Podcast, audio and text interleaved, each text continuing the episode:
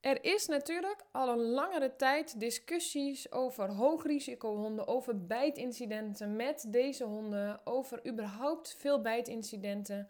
Over is het een mythe dat deze honden van nature meer vals of minder vals zijn, dat ze bijtgraag zijn.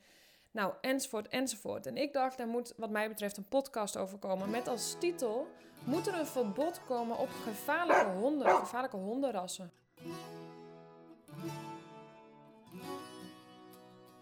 Honden met brede kaken. Honden die van nature zijn geselecteerd op de waakzaamheid, op zelfstandigheid. Gefokt zijn voor bepaalde doeleinden. En om heel eerlijk te zijn, in datzelfde artikel lees ik op dit moment ook: bij honden met een stamboom wordt er door de zogeheten Raad van Beheer wel toezicht gehouden op zorgvuldige fokkerij en de juiste match tussen hond en baas. Daarom wordt die groep uitgezonderd van een eventueel fokverbod. Nou, heel eerlijk, ik ga waarschijnlijk in deze podcast een beetje van links naar rechts schieten. Ehm, een verbod op gevaarlijke hondenrassen, daar kan je van alles over zeggen. Maar om eerst even op dat andere stukje in te gaan. Het zegt voor mij echt helemaal niks dat de hond, omdat hij door de Raad van Beheer onder toezicht wordt gehouden wat betreft zorgvuldige fokkerij en de juiste match tussen hond en baas. Ehm, ik vind die heel lastig, want ik zie in de praktijk met zeer veel regelmaat echt iets heel anders. Het feit dat de hond een stamboom heeft, zegt niks over de gezondheid van de hond. En daarmee dus ook de gedragstechnische voordelen die daar een rol bij spelen. Hè? Een gezonde hond, een goed gefokte, stabiele hond. Hè, dat, dat heeft voordelen op allerlei niveaus. Een hond met een stamboom laat vooral zien wat de oude zijn. Heeft dat voordelen ten opzichte van uh, broodfok slash slecht gefokte honden? Nou, ten opzichte van broodfok natuurlijk sowieso, hè, dat op de allereerste plaats. Honden worden in erbarmelijke omstandigheden gefokt, vaak niet in Nederland. Vaak ergens in Oost-Europa, daar zie je heel veel broodfok.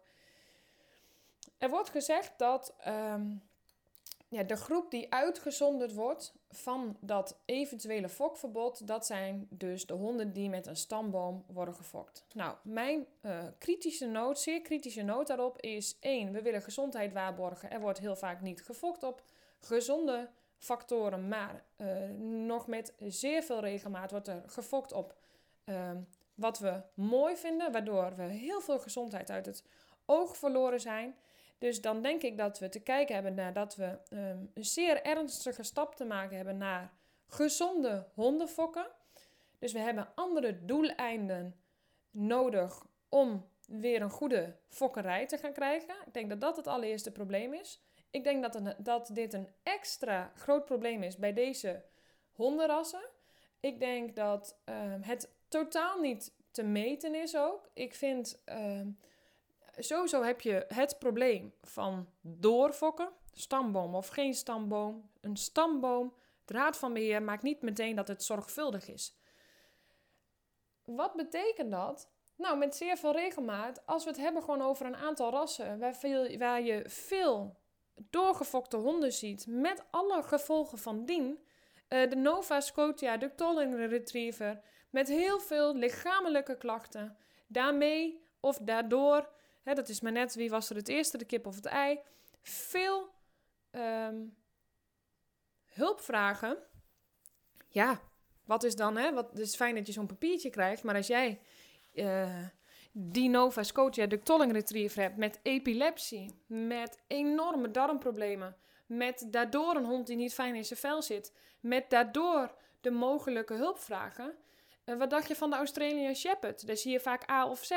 Je hebt gewoon, en dan gewoon van goede fokkers vandaan. Maar het is een hype. De tolle retriever is een hype. De labradoodle is een hype. Hoe goed kunnen wij nog zorgvuldig selecteren als we zoveel willen? Uh, de Friese daarbij heeft te kampen met ontzettend vaak veel angsten voor dingetjes. Ja, ik kan ontzettend veel rassen opnoemen die door hun hype en uh, ja, gewoon niet meer. Er wordt niet alleen maar meer gekeken naar dat er goede fokkerij is. En ja, dat, dat is natuurlijk wel kwalijk.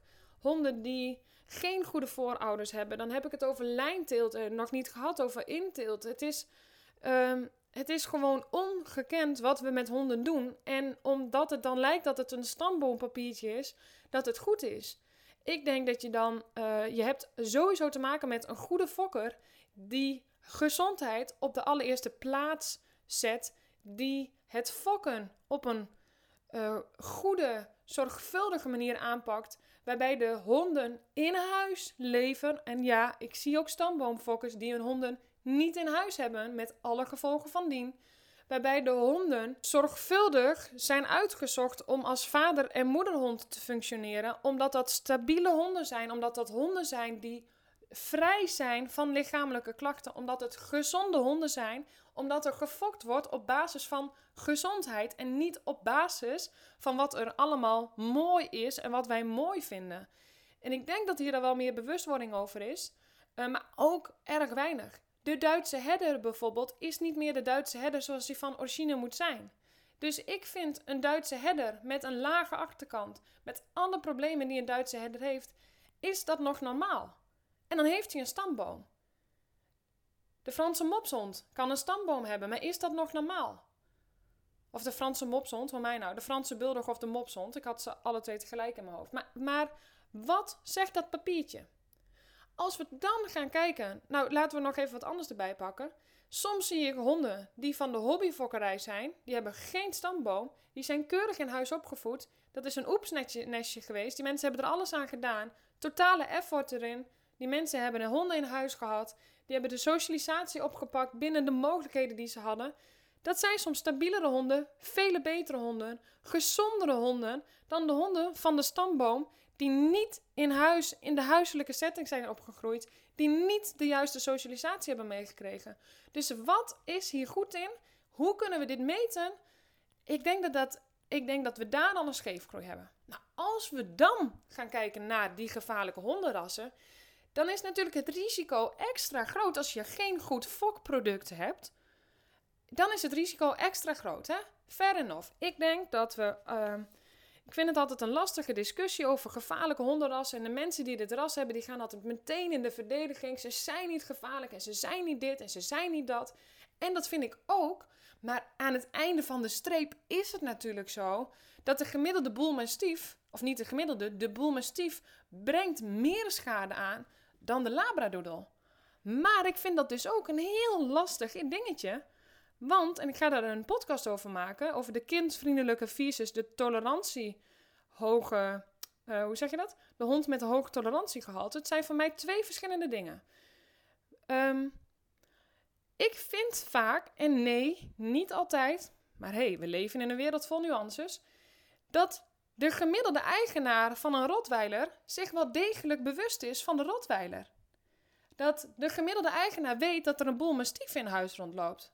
Ik vind dat de gemiddelde Labradoodle-eigenaar, de gemiddelde Friese stabij-eigenaar, de gemiddelde Cold Retriever-eigenaar, omdat het ogenschijnlijk vriendelijke honden zijn, ze zijn sociaal, ze vinden alles leuk, wat dat dan ook mag betekenen. Dit, dit, komt meer aan bod in de podcast over de kindvriendelijke hond. Hè. Bestaan die wel? Wat is dat dan?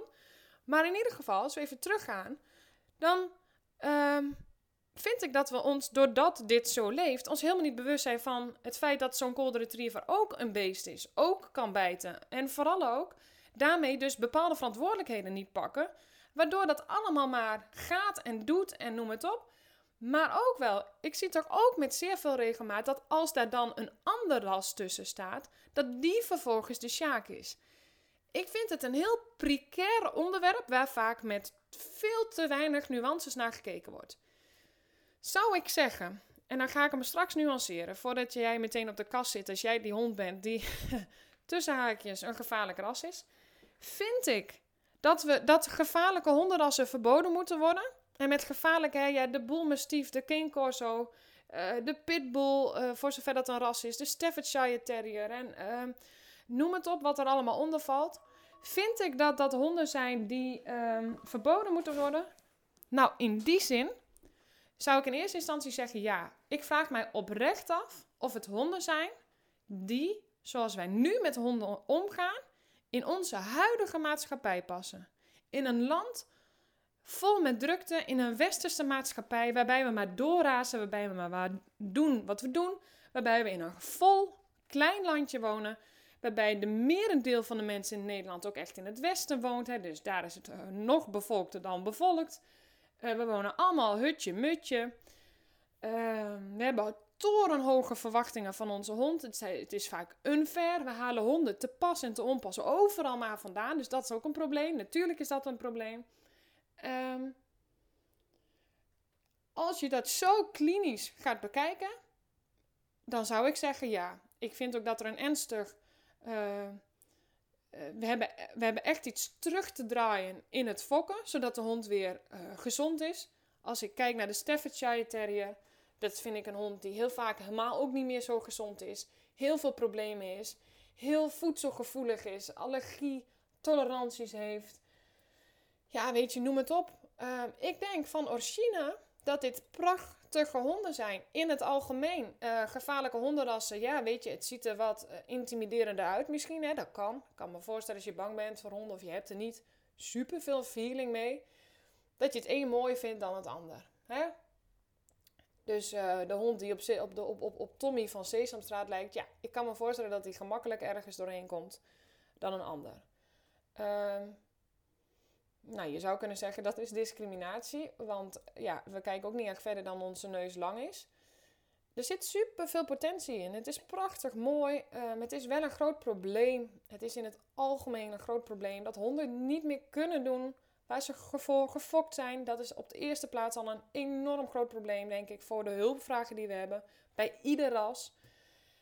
Ik denk dat er bij het ene ras er anders en meer uitkomt of je komt snel in de hulpvragen terecht en dan krijg je te maken met de rasgebonden eigenschappen van de hond. Ook logisch, hè? Het is logisch. Dat, uh, ik zeg dat altijd zo, als je een hulpvraag hebt met je hond, dan zie je vaak dat de rasgebonden eigenschappen naar voren komen. Dus dan zie je ook vaak dat de krachten de vuilkuilen worden. Dat is ook logisch. Je kan hier niks nuttigs over zeggen. Ik denk dat de gevaarlijke hondenrassen in de absoluut meer schade aanbrengen dan de gemiddelde labradoodle, ik, ik blijf bij de labradoodle, uh, doet. Ik zeg ook labradoodle omdat we die ook te pas en te onpas nemen. Zijn zo leuk, zijn zo makkelijk. Ja, het, is echt fantastisch. Nou ja, ik vind dat je er ernstig over kan discussiëren als je kijkt naar de hoeveelheid problemen en hulpvragen die er zijn met de labradoodle, die ook onderschat worden. Alleen, ja, voordat het bijt. Ja, heb je een andere hulpvraag? Ik vind ook de vraag, hè, een hond die niet bijt, maar wel zijn grenzen aangeeft. En je hebt dan de hond die op een gegeven moment zegt: Nou is klaar, dit is echt way too far. Hebben we dan eigenlijk niet gewoon met hetzelfde te maken? Alleen de, de een komt wel op de, echt op de grens en de ander niet, omdat die logischerwijs daar ook voor gefokt is. Ik vind het, ik vind het zo'n lastig onderwerp en zo discutabel. Ik denk dat we een hele andere stap te maken hebben je kunt wel zeggen, ja, dan hè, de stamboomhonden en die mogen dan nog wel komen. Maar dan nog is het een impulsaankoop. Dan nog hebben we onvoldoende kennis over wat een hond inhoudt, wat dat betekent. Dan nog is het zo dat, je, dat het maar net afhangt van bij wie jij terechtkomt om je opvoedcursusje te volgen. Dan nog is het zo dat we torenhoge verwachtingen hebben. Want dat beest moet maar gewoon in het gareel lopen. Dat beest moet maar gewoon doen wat wij mensen van ze vragen. Ehm, we moeten maar gewoon de leider zijn. Want de hond moet maar gewoon um, ons volgen. En als hij dat niet doet, dan is het een ongehoorzame, onopgevoede hond. Ik denk dat we in het algemeen nog een hele shift te maken hebben als we het hebben over hondengedrag. Um, daarnaast is het zo, uh, als ik kijk naar, je hebt een partij House of Animals er zit een heel team achter. Als je kijkt wat die doen om broodfok te stoppen en hoe weinig handhaving daar is, of hoe weinig ze terecht kunnen bij de partijen waar ze terecht zouden moeten komen, ja, het is bijna niet te doen. Ik denk dat 7 van de 10 honden die we hebben in Nederland, dat is of een buitenlandse hond, waardoor je al kan discussiëren over je basis, hoe je het ook wenst of verkeerd. Heb je een rugzak? Daarmee zeg ik niet dat al die honden een enorm traumatisch probleem hebben. Maar we mogen niet onderschatten wat dat doet en we ze vervolgens hier in ons keurige landje gaan plaatsen. Dan heb je nog ontzettend veel slecht gefokte honden. Ongeacht stamboom of niet, ongeacht hoe of wat. Slecht gefokt zit voor mij in de hond die in de schuur leefde, die alleen maar in de keuken kwam. De hond die niet uh, gesocialiseerd is. De hond die geen goede basis heeft. De hond die geen goede voorouders heeft. De hond waarbij de lijnteelt uh, is geweest, waarbij de inteelt is geweest. De hond die doorgefokt is, want er is zo'n hype op. De hond waarbij we alleen maar kijken naar uh, uiterlijke factoren in plaats van is het een goede, gezonde hond, dan gaan we daarmee fokken. De hoeveelheid fok, de fokker die, een, die zich bewust is, die, heeft, die is bezig met zijn teef, die niet als een soort fabriek continu met pups op de wereld moet zetten, elk jaar of vaker, maakt me niet uit hoe vaak, uh, die pups men weer moet neerzetten. Er wordt geke gekeken naar het stukje welzijn. En dan heb je nog natuurlijk, en dat zijn er ook heel veel, de broodfokhonden. Ik denk dat we onderschatten hoe ontzettend veel honden we bij broodfokkers vandaan halen. Het is echt schrijnend. Uh, zonder dat we het weten en er achteraf achter komen met alle gevolgen van dien. En dan dus daarnaast, ik heb nu drie facetten genoemd, de broodfokhond, de slecht gefokte hond en de buitenlandse hond, die een grote rol inneemt in, onze, in, in Nederlands hondenland. En dan vervolgens ook nog torenhoge verwachtingen hebben. Want over het algemeen vinden we dat de hond maar gewoon moet luisteren. Wat dat dan ook mag betekenen, gewoon luisteren. Als we dan dus weer dit in die gevaarlijke hondenrassen gaan zetten, ja, dan is dat echt wel heel lastig. Want er, er is niks meetbaar. We hebben dus zeven van de tien honden die ergens vandaan komt, wat, waar heel, heel lastig doorheen te komen is. Dat wordt heel goed gedaan. Er is veel te weinig kennis over. Um, ja, wat moet ik eigenlijk op letten? Ehm, ik denk dat we überhaupt in een wereld leven vol maakbaarheid. Ik bedoel, hè, je, ja, je hebt nu zin in eten. Je hebt over uh, een kwartier, half uur je eten. Als je boodschappen wil doen, dan bestel je flink. Dan heb je met 10 minuten je boodschapjes in huis. Um, als je iets wil hebben, uh, nou, dan, hè, binnen 24 uur heb je wat je wilt hebben. We leven in een wereld van maakbaarheid. We leven in een wereld vol afleidingen. We doen maar. We, het is allemaal commercie. Uh, we schaffen honden aan alsof het uh, kussens zijn. Met hetzelfde gemak uh, zetten we ze ook weer aan de kant van de weg. Want ja, hè, het was toch niet zo leuk. We onderschatten wat het is, wat het inhoudt, wat de kosten zijn, wat een puppy inhoudt, hoeveel werk dat is, hoe het leuk het soms is, hoe niet leuk het soms ook is. Hè. Ik bedoel, ik denk dat het helemaal niet altijd 100% leuk is. Je hebt er ook veel werk van. Het kost ook veel. Je hebt altijd wel een dingetje waar je mee te dealen hebt. Zoals ik al zei, een verbod op gevaarlijke hondenrassen in ons land zou ik zeggen ja, want uh, ja, hoe moet je het zeggen? Dan heb je het gat snel gedicht. Het is mooi symptoombestrijding. En tegelijkertijd zeg ik, ja, dat is onzin. Als je gewoon kijkt naar, het is gewoon onzin. Die honden zijn niet gevaarlijker dan. Die honden zijn niet meer bijtgraag dan. Die honden zijn niet van nature valser dan. Onzin. Het is alleen wel zo dat ze totaal onbegrepen zijn. Het is ook nog steeds zo, en ook heel vaak niet, maar dat het honden zijn die een bepaalde imago met zich meedragen. Hè? Ehm, ja, het is toch zo dat de gemiddelde man niet graag met een soort uh, fluffy uh, toypoedel over straat loopt. Ik zeg niet dat dat altijd zo is, hè, maar je begrijpt even het generaliserende beeld. Ja, en ik moet hem wel meteen nu nuanceren. Maar in die end is het vooral zo dat dit ook honden zijn met een bepaald imagobeeld. Dus um, ik vind ook, ik heb inmiddels in verschillende wijken gewoond. En grappig genoeg zie je echt verschillende hondenrassen. Ik heb een tijd gewoond in een wijk. Um, dat is van origine de elitaire wijk. Hè? Je hebt ook echt hondenrassen van origine ook. Bedenk bijvoorbeeld aan de Airedale Terrier, daar moest ik even aan denken. Die echt bij, het, bij de eliten hoort om even, ik hou helemaal niet zo van hokjes, maar het is erg duidelijk voor uh, de beeldvorming. Daar kon ik in het bos liepen. Er was dan een, bos op die plek. En uh, uh, een soort veredeld park. Ik zag er bijna, nou, ik kon op een hand tellen dat er Mechelse herders liepen, dat er Staffords liepen, dat er Pitbulls liepen, dat er Rottweilers liepen. Echt, ik denk dat ik één van de mensen was met mijn Tevurese herder die dan niet helemaal binnen dat straatje past. Maar goed, het was wel een herder. Verder zag ik ontiegelijk veel labradoodles, tollers, labradors, cold retrievers, griffons, Duitse staanders, uh, de Airedale terrier, kleinere terriers, de fox terrier, de parson. uh, Russell Terrier, nou ja, noem het op. Daarna ben ik gaan wonen in een van origine volksbuurt. Nou, ik denk dat ik op een hand kon tellen hoeveel labradoodles ik zag, hoeveel tollers ik zag, hoeveel golden retrievers ik zag. Was notabene in dezelfde wijk. Dus daar zag ik heel veel Rottweilers, Staffords, Herders, Duitse Herders, Mechelse Herders. Allemaal hondenrassen die je in die andere wijk niet zag. Dus is de hond nog een imagobeeld? Ja.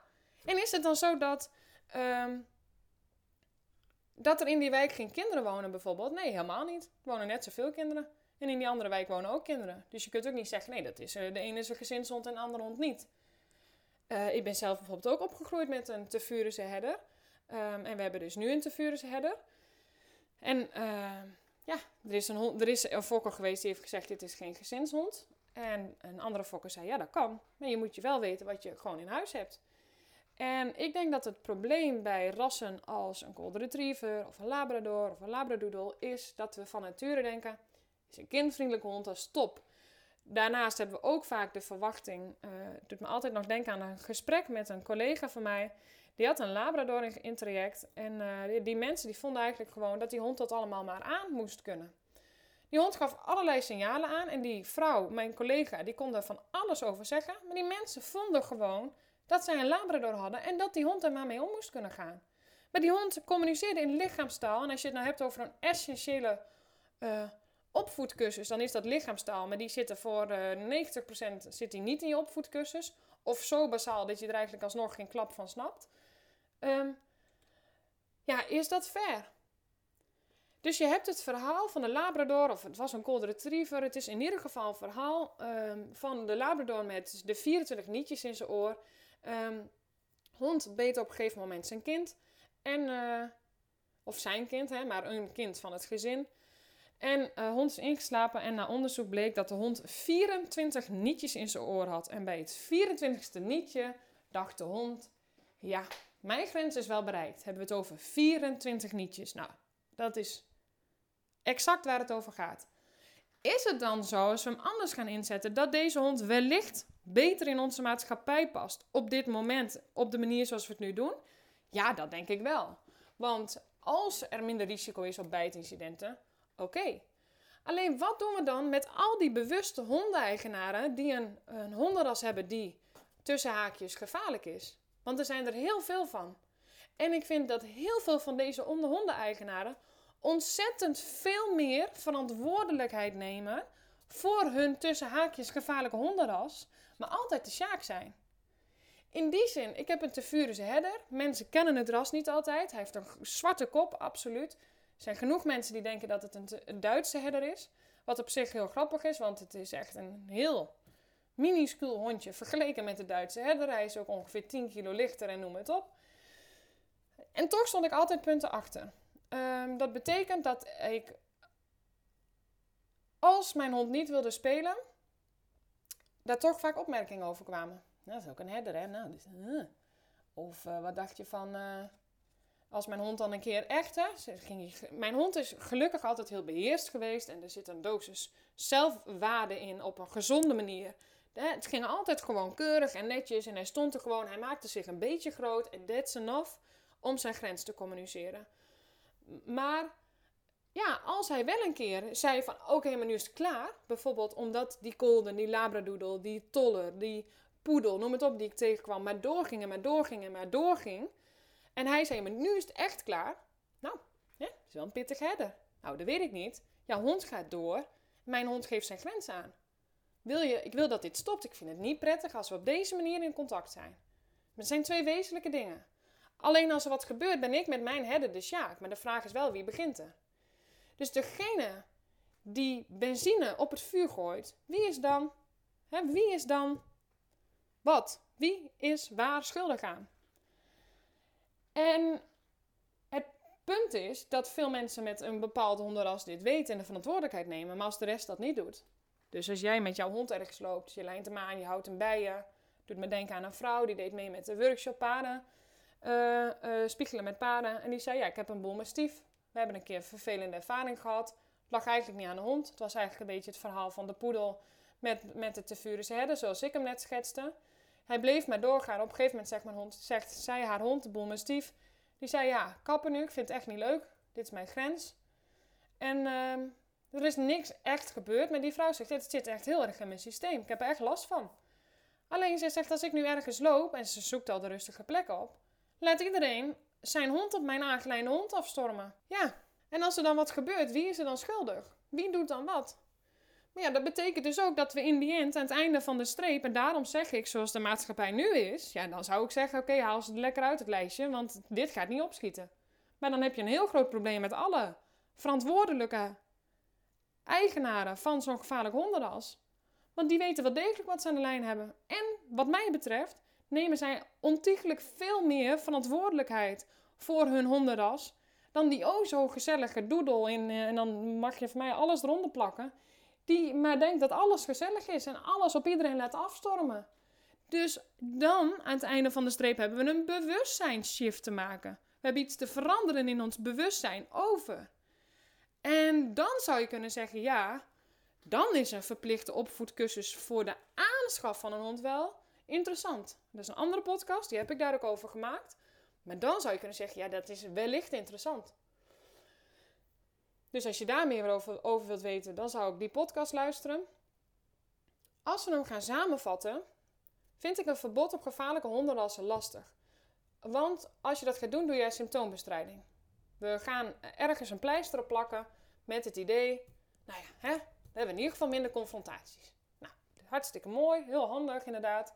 Is ook handig, valt ook van alles wat voor te zeggen. Uh, ik vind, uh, laatst, laatst liep ik met een klant ook door de wijk en uh, we kwamen een hond tegen, was een rotweiler aan de lijn. was echt een beer van een hond. Echt zo sterk, zo krachtig. Deed niks. Hij deed niks. haar hond ging helemaal tekeer. En deze hond deed niks. Die keek echt zo van, nou, uh, gaat het lekker? Alleen als er wel wat gebeurt, dan heb je wel een soort gladiator aan je lijn. Ik bedoel, in die end is dat wel zo. De risico's zijn groter. Maar ja, weet je, in onze huidige maatschappij zou ik dus zeggen samengevat, nee, past niet. Maar ik vind het pleisters plakken. Ik vind dat er heel veel, echt ontzettend veel bewuste eigenaren lopen. Ik vind het onzin als we gaan zeggen, ja, de stamboomhond die mag dat wel hebben. Want ik heb uitgelegd dat, dat, dat we daar zo in doorfokken, zo op verkeerde dingen zitten en het niet altijd goede fokkers zijn. Ja, totaal niet meetbaar dus. Heb je niks aan. Um, ja, weet je, je kan er van alles over zeggen. Maar het lastige is dus dat we um, echt moeten kijken naar um, wat we doen. Hoe we dat doen. Wat zijn we gewoon aan het doen? Dat vraag ik me oprecht af. Ik heb al een podcast over de kloof tussen mens en hond. Maar ik vraag me soms oprecht af wat we aan het doen zijn. Ik vroeg van de week, zei ik tegen een collega, door mijn werk vind ik het hebben van een hond veel minder leuk dan waarom ik dit werk ben begonnen. Ik hield van honden. Bij iedere hond die ik zag, dacht ik, oh, en weer een hond. En ik noemde al die rassen op. Ik vond het helemaal fantastisch.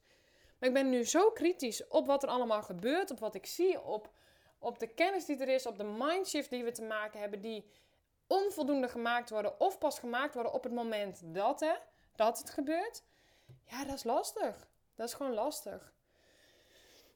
Nou, dat is tot zover. Um, dit, is mijn, dit zijn mijn gedachtenspinsels over de gevaarlijke hondenrassen. Um, ik vind ze niet gevaarlijk.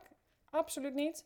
Ik vind het hele mooie hondenrassen. Het zijn hondenrassen die bij mij zouden passen. Als ik zou gewoon 100% zou kiezen op basis van impuls en verlangen zou dit een hondenras zijn waar ik wat mee zou kunnen.